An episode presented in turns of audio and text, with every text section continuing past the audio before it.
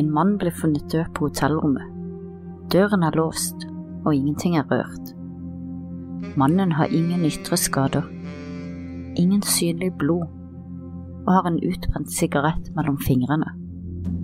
Politiet konkluderer stille med at mannen har dødd av hjerteinfarkt. Da detektiv Scott får obduksjonsrapporten tilbake, kan han nesten ikke tro det han leser. Greg døde av skader innvendig, påført av en kraft så stor at den tilsvarer en kraftig bilulykke. Hva skjedde med Greg på rom 348?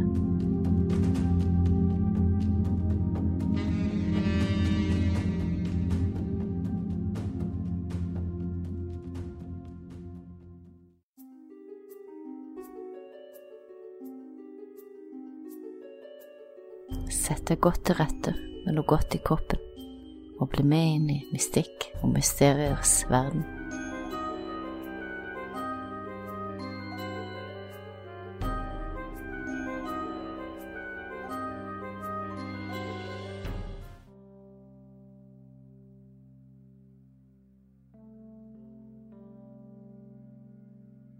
Det var onsdag 15. september 2010 da Greg Flenniken sjekka inn på rom 348 på hotellet MCM Elegante i Beaumont, Texas. Greg var på nok en jobbreise. Hans kone Susie var blitt vant til mannens mange jobbreiser, men de var flinke til å ha kontakt på telefonen og ringte hverandre hver eneste morgen. Greg var en slank mann med en kortklipt hvit bart. Han var blitt eldre, og livet hadde tydelig satt sine spor i Gregs ansikt, men Susie syntes Greg var det vakreste mennesket på jorda. Greg reiste enkelt og bodde ryddig. Etter så mange år på reise hadde han lagt til seg noen faste rutiner. Kofferten ble aldri pakka ut, men lagt åpen på gulvet og brukt som kommode. De skitne klærne la han på gulvet inne i skapet, og skjortene som skulle være rynkefrie, hang han over dem. Når arbeidsdagen var over, gikk han tilbake til hotellrommet, av seg skoene, satte dem fint ved kofferten, tok av seg finbuksa og hoppa inn i sin lette, deilige pyjamasbukse. Greg tilbringte stort sett kveldene på hotellrommet. Med aircondition på kjøling rigga han seg til i senga, med to puter bak i ryggen, et håndkle som han hadde askebegeret på, for å unngå askesøl i senga. Røyk, lighter, telefon, TV-kontrollen og litt godteri, mens han lå der og så på TV. Det var det samme han gjorde denne onsdag kvelden i september. Mens han lå og så på en film, fikk han en e-post fra sin kone. Klokka var rundt syv på kvelden. Susie jobba med et dataprogram for å søke om skattelette, og hun rapporterte framgangen til Greg, og han skrev tilbake at hun gjorde en god jobb. Dette var siste gangen Susie hørte fra Greg. På et eller annet tidspunkt, fra Greg svarte på e-posten og før filmen var ferdig, ble Greg truffet av noe så hardt og kraftfullt at det ville blinde en voksen mann av smerte. Greg hadde klart å komme seg ut av sengen og mot døra før han hadde falt med splitta ben og hodet først. Han var antageligvis død før hodet traff gulvet. Susi fikk ikke tak i Greg neste morgen. Hun hadde ringt til kontoret hans, men ingen svarte. Greg ringte henne vanligvis hver eneste morgen, men denne morgenen hadde hun ikke hørt noen ting fra ham, og da Greg ikke hadde møtt opp på kontoret, kjørte to av hans kolleger over til hotellet han bodde på, og banka på romdøren. Det var ingen som svarte, så kollegaene kontakta hotelledelsen og fikk dem til å åpne døren. Politi og ambulanse ble tilkalt umiddelbart. Da hotelledelsen åpna døra, fant de en middelaldrende død mann på gulvet, med en sigarett perfekt plassert mellom to stive fingre på venstrehånda. Rommet var unormalt varmt, og lufta var innestengt. Gregs hud hadde begynt å bli gråblå, og det var en våt flekk i skrittet på hans blå pyjamas, men det var ikke uvanlig når noen døde. Det tok mindre enn en time før detektiv Scott Apple dukka opp. En kort, men veltrent mann med grående hår, kjemma rett opp i en piggsveis. Scott var politien til beinet, og hans kone arbeidet også i politiet. De hadde møtt hverandre på arbeid. Han var en av lederne på SWAT-teamet, en av de mennene som alltid arbeidet og aldri tok seg en pause. Scott fikk et kjapt overblikk på situasjonen. Det var ikke noe spesielt som vakte interessen hans. Det var ingen tegn til innbrudd eller kamp. Rommet virka urørt. Det var heller ingen blod eller synlige skader på Greg. Gregs lommebok lå også godt synlig i baklomma, på jobbbuksa. Den inneholdt en bunke med hundredollarsedler, som lå urørt, så tyveriet ble raskt utelukka. Beboerne i naborommet hadde heller ikke hørt noe uvanlig kvelden før. Scott roa ned beboerne og forklarte at det mest sannsynlig var en naturlig forklaring på Gregs dødsfall. Hjertestans i den alderen er ikke uvanlig. Scott gikk gjennom Greg sin bag, men fant ikke noen medisiner eller noe annet som kunne forklare dødsfallet. Scott lærte senere av Gregs kone og venn at Greg aldri gikk til legen. Han var en sta og selvstendig mann som alltid var skeptisk til autoriteter og var absolutt ikke påvirka av den sunne helsebølgen som herska over landet. Ikke trente han heller. Greg hadde kjederøykt hele sitt liv, og han spiste og drakk som han ville. Det var ikke vanskelig for Scott å konkludere med at Greg sine valg til slutt hadde tatt ham igjen, og Susie, hun var ikke vanskelig å overbevise. Susie var i sjokk og dyp sorg, men aksepterte at for Greg så var det absolutt mulig å brått dø på grunn av livsstilen. På en måte fant Susie litt trøst i det, at han døde på egne premisser. Flere ganger hadde Susi hørt Greg bemerke når han hørte om noen som døde brått og plutselig. Heldige menneske, slik er det jeg ønsker å dø. Det var slik han til slutt døde. På hotellet behandla politiet dødsfallet som en ren rutine. En fotograf tok bilder for å dokumentere åstedet, og Gregs kropp ble frakta til obduksjon. En enkel jobb for legen å dokumentere dødsårsaken, som mest sannsynlig ville være hjerteinfarkt. Dr. Tommy Brown, en av Texas' mest respekterte leger, var den som fikk jobben med å obduksere Greg. Vanligvis brukte Tommy Brown 45 minutter på å gjennomføre en obduksjon. Han hadde mange års erfaring og var en av de beste i sitt yrke. Foran ham på bordet lå nå en 55 år gammel mann som så ut til å være hel og fin. Etter å ha undersøkt utsiden av kroppen, finner legen kun to små merker. Et lite merke på kinnet der Greg traff gulvet når han kollapset, og et lite merke i Gregs skrotum. Pungen var hoven og misfarget, og rundt det lille merket var det antydning til væskeansamling. Blåmerket hadde spredd seg fra skrittet og oppover den høyre hoften. Dr. Brown var ikke i tvil om at noen måtte ha truffet Greg veldig hardt. Men historien som Gregs kropp fortalte, stansa ikke her. Da dr. Brown åpner opp overkroppen til Greg, oppdager han en overraskende stor mengde med blod og store indre skader.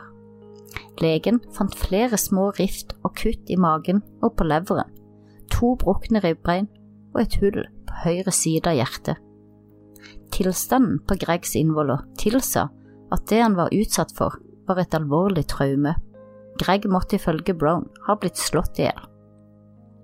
Dr. Brown konkluderte med at skaden i skrittet måtte ha blitt forårsaket av et hardt spark. Han hadde også mottatt et slag i brystet, så hardt at det hadde påført ham de dødelige skadene. Han hadde dødd innen 30 sekunder. Dr. Tommy Brown noterte på Gregs dødsårsak drap. Detektiv Scott Apple gnidde seg i øynene, han kunne ikke tro det han leste. Scott kastet seg på telefonen til Dr. Brown for å få en forklaring på Gregs dødsårsak. Dr. Brown fortalte Scott at mannen på rom 348 hadde hatt skader som han vanligvis så på mennesker som hadde vært i kraftige bilulykker, eller som hadde fått tunge ting fallende over seg. Det var sjelden Scott fikk slike saker som denne. De få dødsfallene som rammet Beaumont hvert år, var sjeldent mystiske eller vanskelig å oppklare. Men i dette tilfellet klarte ikke Scott å finne noen god forklaring, og etter seks måneder med intenst arbeid hvor Scott undersøkte hver eneste teori som kunne tenkes på, så sto han helt fast. De fysiske bevisene ga ingen logikk, med unntak om Greg hadde blitt slått i hjel et annet sted, for så å bli frakta til hotellrommet og lagt forsiktig ned på gulvteppet, så var det ingenting som tyda på at Greg var utsatt for noe kriminelt. Så hvordan kunne en mann få så mye juling at ribbeina knekker, indre organer revner og hjertet eksploderer, men ingen synlige skader på utsiden av kroppen? Bortsett fra et bitte lite blåmerke i underlivet, så viste kroppen til Greg ingen tegn på å ha blitt utsatt for noe voldelig. Og kunne han ha blitt overfalt på rommet og kjempa imot uten at en eneste ting på rommet hadde beveget på seg, eller uten at noen av beboerne i naborommet hørte noe? Og ikke minst, hvorfor? Hvorfor skulle noen angripe Greg? Greg hadde ingen fiender som noen visste om, eller som noen kunne se for seg. Susie hadde truffet Greg når hun var i 20-årene. På den tiden var hun sanger i et rockeband, og falt pladask for Greg. De gifta seg unge, men gikk etter noen år hver sine veier. Men da Susie tok kontakt igjen, noen år etter at de gikk fra hverandre, sa Greg, jeg venta på at du skulle ringe. De gifta seg på ny, og har nå vært gift i 15 år, da Greg brått døde. Gregs bror og alle hans kollegaer sa at Greg var godt likt av alle i firmaet. Han var en lett likende kar. På kveldene var han stort sett alene på hotellrommet, om han ikke var hjemme med sin kone Susi. Greg pleide aldri gå på bar eller ta seg en drink når han var på jobbreise. Han var ingen festglad mann eller type som havna i slåsskamper. Greg var en respektabel, smart og suksessfull mann som alle likte. Den type mann som ingen vil drepe, men som nå hadde blitt drept. Gjennom høsten og inn i vinteren forfulgte detektiv Scott en rekke muligheter. Han gikk tilbake for å se på hva som skjedde den kvelden Greg døde. Scott hadde sett at Greg hadde forårsaket et strømbrudd på sitt hotellrom, naborommet og rommet under Greg, etter å ha poppa popkorn i mikroen. Greg hadde skamfullt gitt beskjed til resepsjonen, som sendte en mann opp for å slå på igjen strømmen. Dette leder Scott til to teorier. Den første involverte sex. Vaktmesteren på hotellet hadde en forhistorie som seksualforbryter. Kunne skadene i Gregs skrotum og hans indre skader ha blitt forårsaka av et langt skrujern? Et slags grotesk eh, seksuelt overfall? Scott brukte mye tid på å snakke med vaktmesteren og sjekke bakgrunnen han, men teorien endte opp med å forbli nettopp det, en teori og en vill spekulasjon. Den andre teorien involverte en gruppe elektrikere som bodde på samme hotell og i naborommet til Greg, på rom 349 den natten Greg døde. De var i byen en ekstra dag for å gjøre ferdig et arbeid for et oljefirma. Om kvelden pleide de å møtes på et av rommene og ta seg noen drinker sammen. Hva om de festa når lyset gikk, kunne en av dem ha banka full og irritert på Gregs død, endt opp i en krangel og så angrepet ham i gangen? kunne Greg, som var skamslått, ha klart å krype tilbake til rommet sitt før han kollapsa. Elektrikerne hadde også blitt avhørt samme dag som Greg ble funnet. Ingen av dem hadde nevnt at de hadde vært i kontakt med Greg. Ni dager etter at Greg døde, hadde Scott og en kollega returnert til hotellet for å avhøre noen av de samme mennene om igjen. Scott hadde på seg et skjult kamera og kikka nå tilbake på opptakene. Det var Lance Møller som var registrert på rom 349 sammen med sin kollega Tim Steinmetz.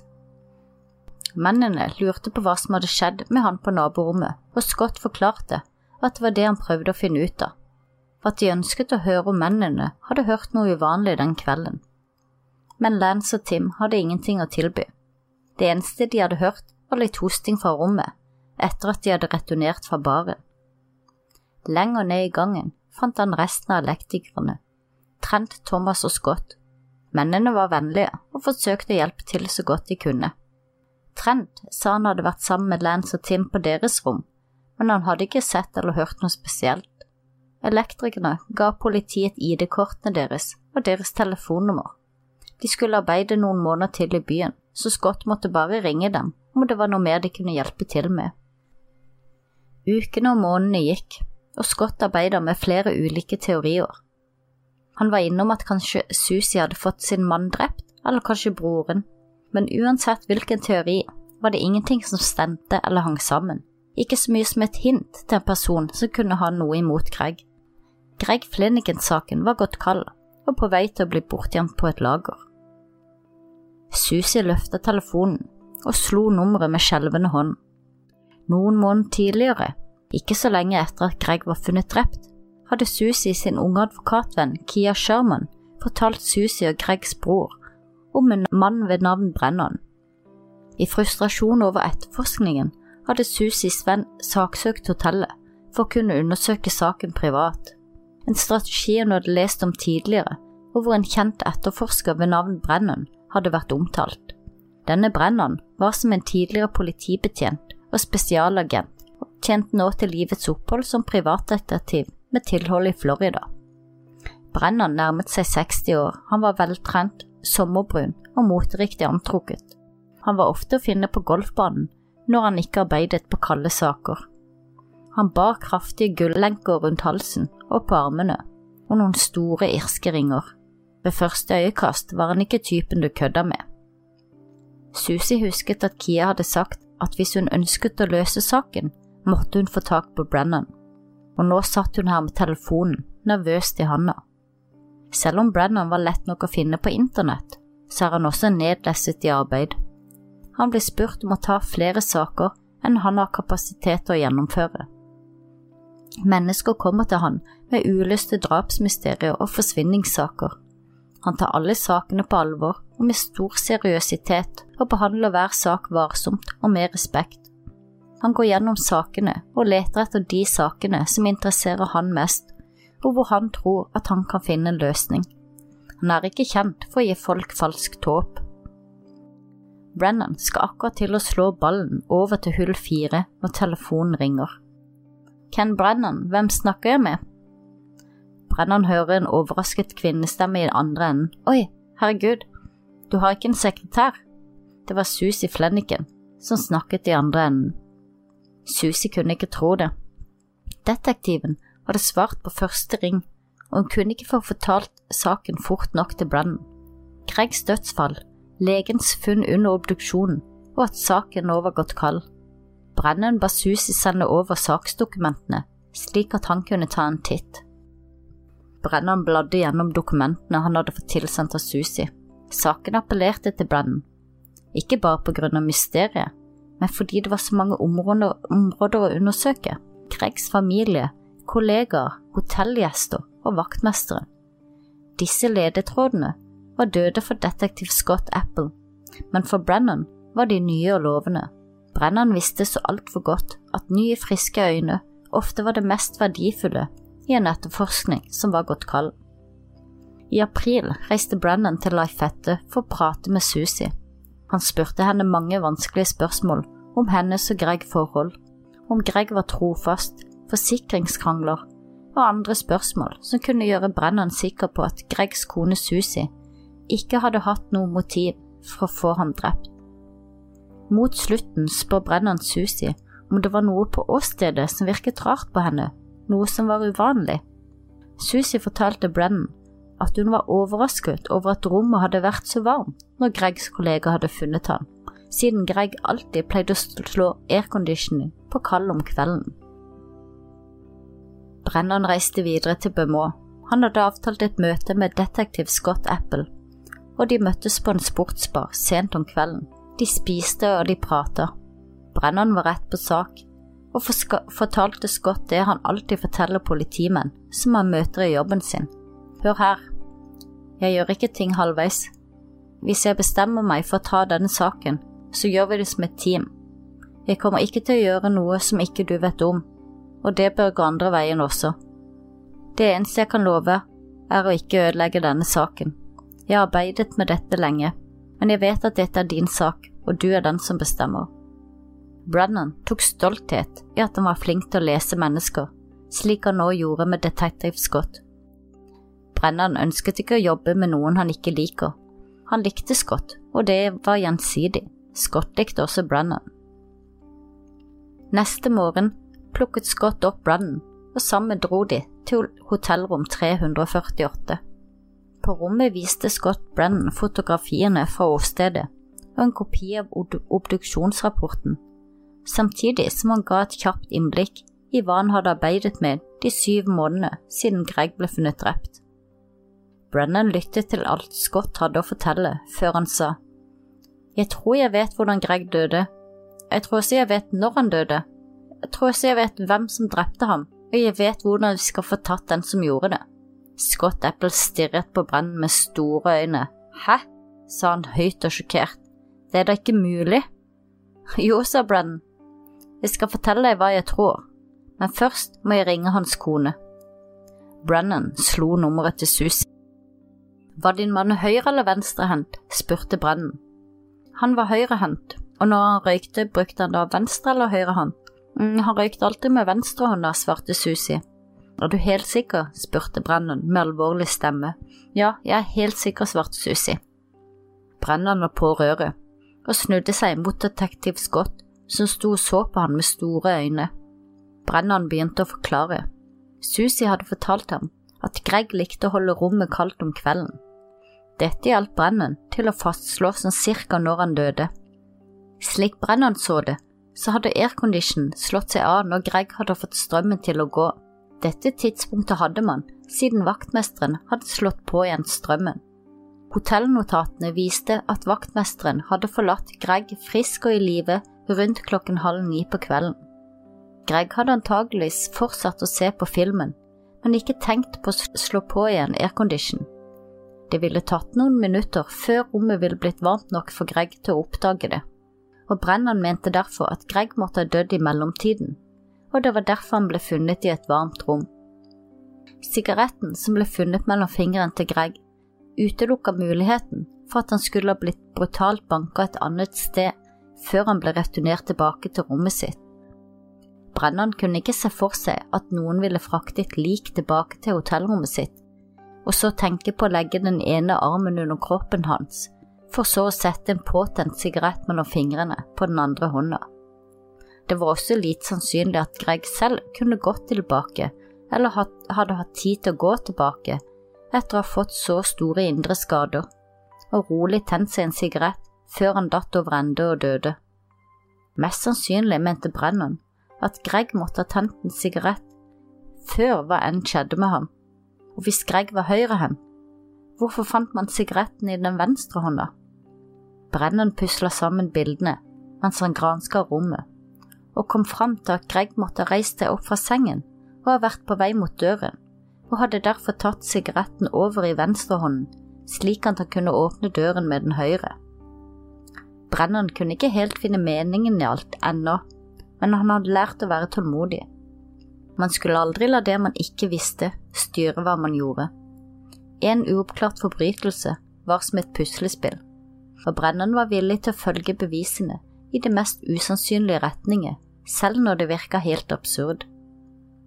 Bevisene helte mot at Greg ikke kunne ha blitt slått i hjel inne på rommet sitt, likevel var det her han ble funnet, og alt tydet på at Greg døde raskt etter angrepet. Brennan var ennå ikke helt sikker på hvordan alt skjedde, men han var overbevist om at Greg hadde sittet og gjort sine egne ting, bare minutter og sekunder før han ble drept. Det var dette som førte Brennan videre til elektrikerne som bodde i naborommet til Greg på rom 349. Rommet deres hadde også blitt påvirket av strømbruddet som Greg forårsaket. Av alle teoriene detektiv Scott hadde undersøkt, var det teorien om at mennene på naborommet hadde vært fulle og kommet i konfrontasjon med Greg den kvelden, som var den mest naturlige. Brennan spurte om Scott hadde intervjuet dem, og Scott bekreftet at han hadde det, at de var hyggelige menn og ikke stakk seg ut på noen måte. Brennan var sikker på at hvis de hadde drukket og noe var skjedd, så måtte de ha pratet med hverandre, og antageligvis med noen av sine nærmeste venner eller kolleger. Det neste Brennan gjorde, var å møte dr. Brown, som hadde foretatt obduksjonen på Greg. Brennan ville vite om skadene han fant på Greg, kunne ha blitt få påført gjennom skikkelig juling. De kan ha blitt, sa dr. Brown. Merkene i skrotum kan ha blitt forårsaket av et hardt spark, spesielt om angriperen hadde vernesko. Brennan ba Scott sette i gang med å intervjue mennene som hadde arbeidet sammen med elektrikerne forrige sommer. Selv returnerte han hjem for å gå gjennom overvåkningsvideoene fra hotellet. En tidkrevende og ikke spesielt givende jobb. Kameraene viste Greg som kom og gikk fra arbeid. Den viste flere av elektrikerne som gikk frem og tilbake til arbeidsbilene sine. Ingenting mistenksomt var å finne. Brennan og Scott returnerte til Beaumont sent i mai, og de satte i gang med å besøke og intervjue noen av kollegaene til elektrikerne som de ennå ikke hadde fått snakket med. Det var allerede flere måneder siden elektrikerne var ferdig med arbeidet på hotellet. Scotts prat med kollegaene hadde ikke gitt noen flere spor, men Brennan var overbevist om at det var verdt det. Brennan visste såpass om mennesket at hvis noen av elektrikerne visste hva som hadde skjedd med Greg, så ville rykter spredd seg. Så Brennan og Scott fortsatte intervjurunden sin. De fleste hadde hørt om mannen som døde på rom 348. Det var mye andre- og tredjehåndskunnskap ute og gikk. Det meste hadde de hørt før. Men en av lederne hadde hørt noe om et våpen som var gått av på et motell eller noe så likt. Scott avbrøt ham og forklarte at det var en annen sak. Den de snakket om, var den hvor en mann var blitt slått i hjel på Hotell Elegante, men lederen hadde ikke hørt noe om det. Da Brennan og Scott kjørte hjemover, sa Brennan til Scott at de var helt nødt til å gå tilbake til hotellet med en gang. Hva skal vi gjøre der da, spurte Scott, litt irritert, og bemerka at de nylig hadde gått grundig gjennom rommet. Vi skal tilbake og lete etter en patron. Tilbake på rom 348 begynte de å inspisere rommet. Gulv, vegger, tak, bøbler. Alt som fantes ble undersøkt. Begge to lå på hender og kne med lommelykt mens de lette, men de fant ingenting. Brennan ble irritert og frustrert. Han var helt overbevist om at våpen på en eller annen måte måtte ha vært innblanda. De skulle til å pakke sammen og gi opp, da Brennan plutselig la merke til en bulk i veggen som hadde blitt fiksa. Merket var rett ved døren, som gikk inn til neste rom. Det så ut som merket var akkurat der dørhåndtaket ville truffet veggen, en sånn typisk slitasjeskade, men da Brennan svingte døren åpen, så passet ikke dørhåndtaket med merket i veggen. Dørhåndtaket traff veggen så vidt på høyresiden av merket. Brennan tilkalte vaktmesteren og fikk tilgang til rom 349. Brennan gikk rett bort til veggen mot rom 348. Det var ingen tvil om hva de så på veggen. Brennan så rett på et lite hull som hadde blitt tetta igjen med noe som viste seg å være tannkrem. Han målte høyden til hullet med hoften sin, og gikk tilbake til rom 348 for å måle høyden opp til bulken. De matcha. Brennan var ikke i tvil, en kule hadde gått gjennom bagen. Det lille, smale hullet på rom 349 viste inngangen til kulen, og det større hullet på 348 viste utgangen til kulen. Beaumonts krimeksperter fikk forsiktig åpna hullet igjen og skinte en laserstråle igjennom. Laserstrålen pekte rett mot sengen der Greg hadde sittet og røykt, spist godteri og sett på film. Han ble skutt, utbrøt Brennen. Dr. Brown var ikke overbevist. Den høyt respekterte legen hadde undersøkt Gregs kropp fra topp til tå, undersøkt hvert eneste organ. Med presisjon og mange års kunnskap hadde han fastslått at Greg Flenigan hadde dødd av et brutalt overfall, og nå sto de her og fortalte ham at hans profesjonelle observasjoner var feil, at han, av alle ting, hadde oversett en skuddskade. Brennan meldte seg frivillig til å prate med dr. Brown etter at han og Scott hadde funnet kulehullet og funnet ut hvilken retning kulen gikk, var svaret på Gregs død innlysende for Brennan. Men for å kunne få stilt Gregs mordere for retten, var de avhengig av at dr. Brown endret sine observasjoner for obduksjonsrapporten. Man kunne ikke argumentere i retten for at offeret hadde blitt skutt hvis legen som foretok obduksjonen, konkluderte med at offeret ikke hadde blitt skutt. Brennan begynte forsiktig å forklare dr. Brown hva de hadde funnet ut av, og hvorfor de mente at Greg hadde blitt skutt. Dr. Brown var ikke enig og forsto at Brennan hintet mot å få gjennomført en ny obduksjon. Dr. Brown hatet å ta nye obduksjoner. men i dette tilfellet hadde Greg blitt kremert, så en ny undersøkelse var uansett ikke mulig å få til. Men Brennan var ikke ferdig med dr. Brown. Hør, doktor, la oss gå gjennom bildene fra obduksjonen og se om vi kan finne noe der. Dr. Brown fant frem bildene, og de gikk igjennom dem sammen. Brennan pekte på flere ting, og dr. Brown forklarte hva det var. Brennan skjønte plutselig hva han så på. Kulen måtte ha truffet Greg midt i rumpehullet og gå rett gjennom kroppen og revet over de indre organene på vei opp. Siden rumpehullet har mykt og skrukkete skinn, så var det vanskelig å se at en kule faktisk hadde gått inn der. De indre skadene var spor etter kulen som føyk gjennom kroppen. Brennan snudde seg mot dr. Brown. Kunne disse skadene, bortsett fra harde slag, vært forårsaket av en kule? Ja, svarte dr. Brown, men det er ikke det som skjedde her. Denne mannen har jo blitt slått i hjel. Ok, doktor, sa dr. Brennan, men kunne det ha vært en kule? Brennan fant et annet bilde som støttet argumentet hans. Det så ut som et spor, men dr. Brown påpekte at man kunne få det samme fra å få juling. Så kom de til et bilde av hjertet. Dr. Brown ga bildet til detektivene. Dr. Brown, nærmest ropte Brennan. Det er et kulehull, dr. Brown. Brennan pekte opprørt på bildet. Det er faen meg et kulehull. Dr. Brown begynte å forklare at noen ganger når en mann ble sparka eller truffet med et spisst objekt i brystet, så er det normalt sett den høyre siden som sprekker. Dr. Brown, dette er faen meg et kulehull, gjentok Brennan. Det ble stille noen sekunder, før en spak Dr. Brown måtte medgi at ja, det er et kulehull. Media kommer til å drepe meg over dette. Tim Steinmetz var den første elektrikeren som ble innkalt til avhør. Han svarte greit på alle spørsmål. Tim var litt nervøs, men i det store og det hele bekymret han seg ikke. Nå var politiet ferdig med å stille spørsmål, og han reiste seg opp for å gå. Tim skrev under på det han nettopp hadde sagt, og som han hadde sagt tidligere. De hadde ikke sett eller hørt noe den kvelden, annet enn litt hosting fra naborommet etter at de kom tilbake fra baren. Var det alt, sa Tim.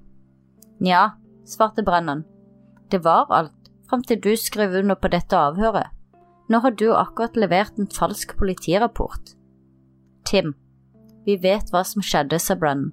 Vi vet akkurat hva som skjedde, og jeg forstår at prøver å beskytte vennen din, men nå setter du deg i fare for også å ødelegge ditt eget liv og familien din, og det er det ikke verd. Så Tim, fortell oss hva som skjedde. Tim åpna seg opp med en gang og fortalte hele historien. Historien ble bekreftet senere på dagen, da Trent Pasno, som også hadde vært på rom 349 den kvelden, fortalte akkurat det samme. De hadde vært på rommet og drukket øl sammen med Møller. Møller hadde spurt Trent om å hente en flaske whisky fra bilen, og ba han også ta med opp pistolen hans, en 9 mm Ruger. Da Trent returnerte til rommet, tok Muller pistolen ut av hylsen og begynte å leke med den til Trent og Trim sin forskrekkelse. Han pekte først på Tim, som datt rett i bakken og banna mot Mulla, og så pekte han mot Trent, som sto i enden av senga da pistolen plutselig gikk av. Trent trodde først han hadde blitt truffet av kulen, men da han snudde seg rundt, så han at kulen hadde truffet veggen bak ham. Muller hadde fått panikk, han pakket sammen pistolen og la den tilbake i bilen.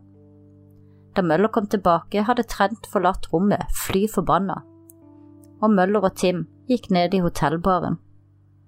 Tim fortalte at de ikke hadde visst sikkert at noen bodde på rommet før de hadde hørt at noen hosta der sent på kvelden, etter midnatt, da de kom tilbake fra hotellbaren.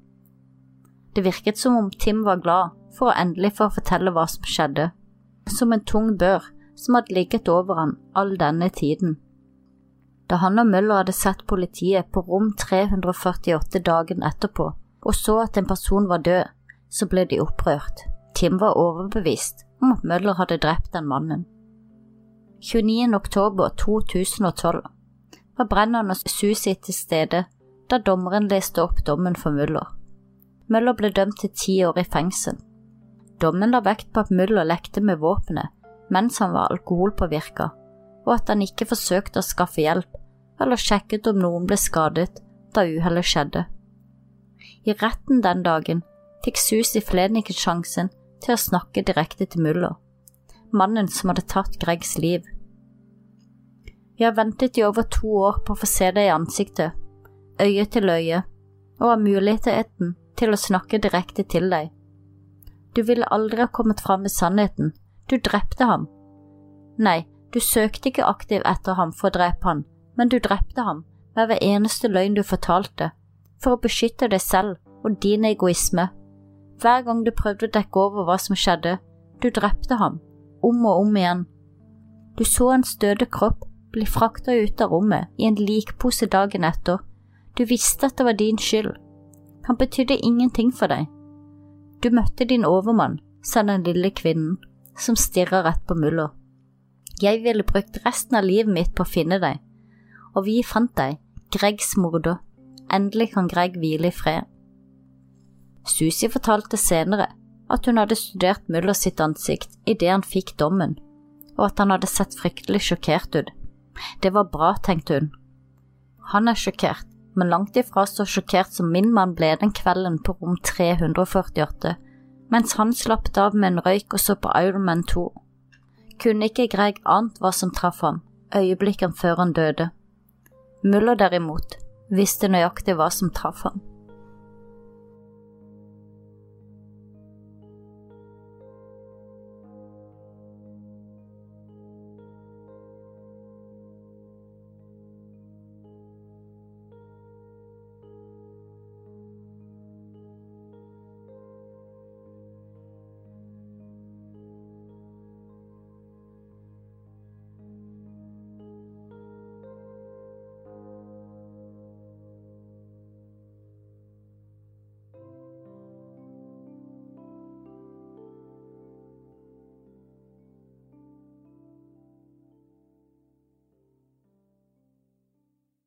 Har du et enkeltpersonforetak eller en liten bedrift? Da er du sikkert lei av å høre meg snakke om hvor enkelt det er med kvitteringer og bilag i fiken, så vi eh, gir oss her, vi.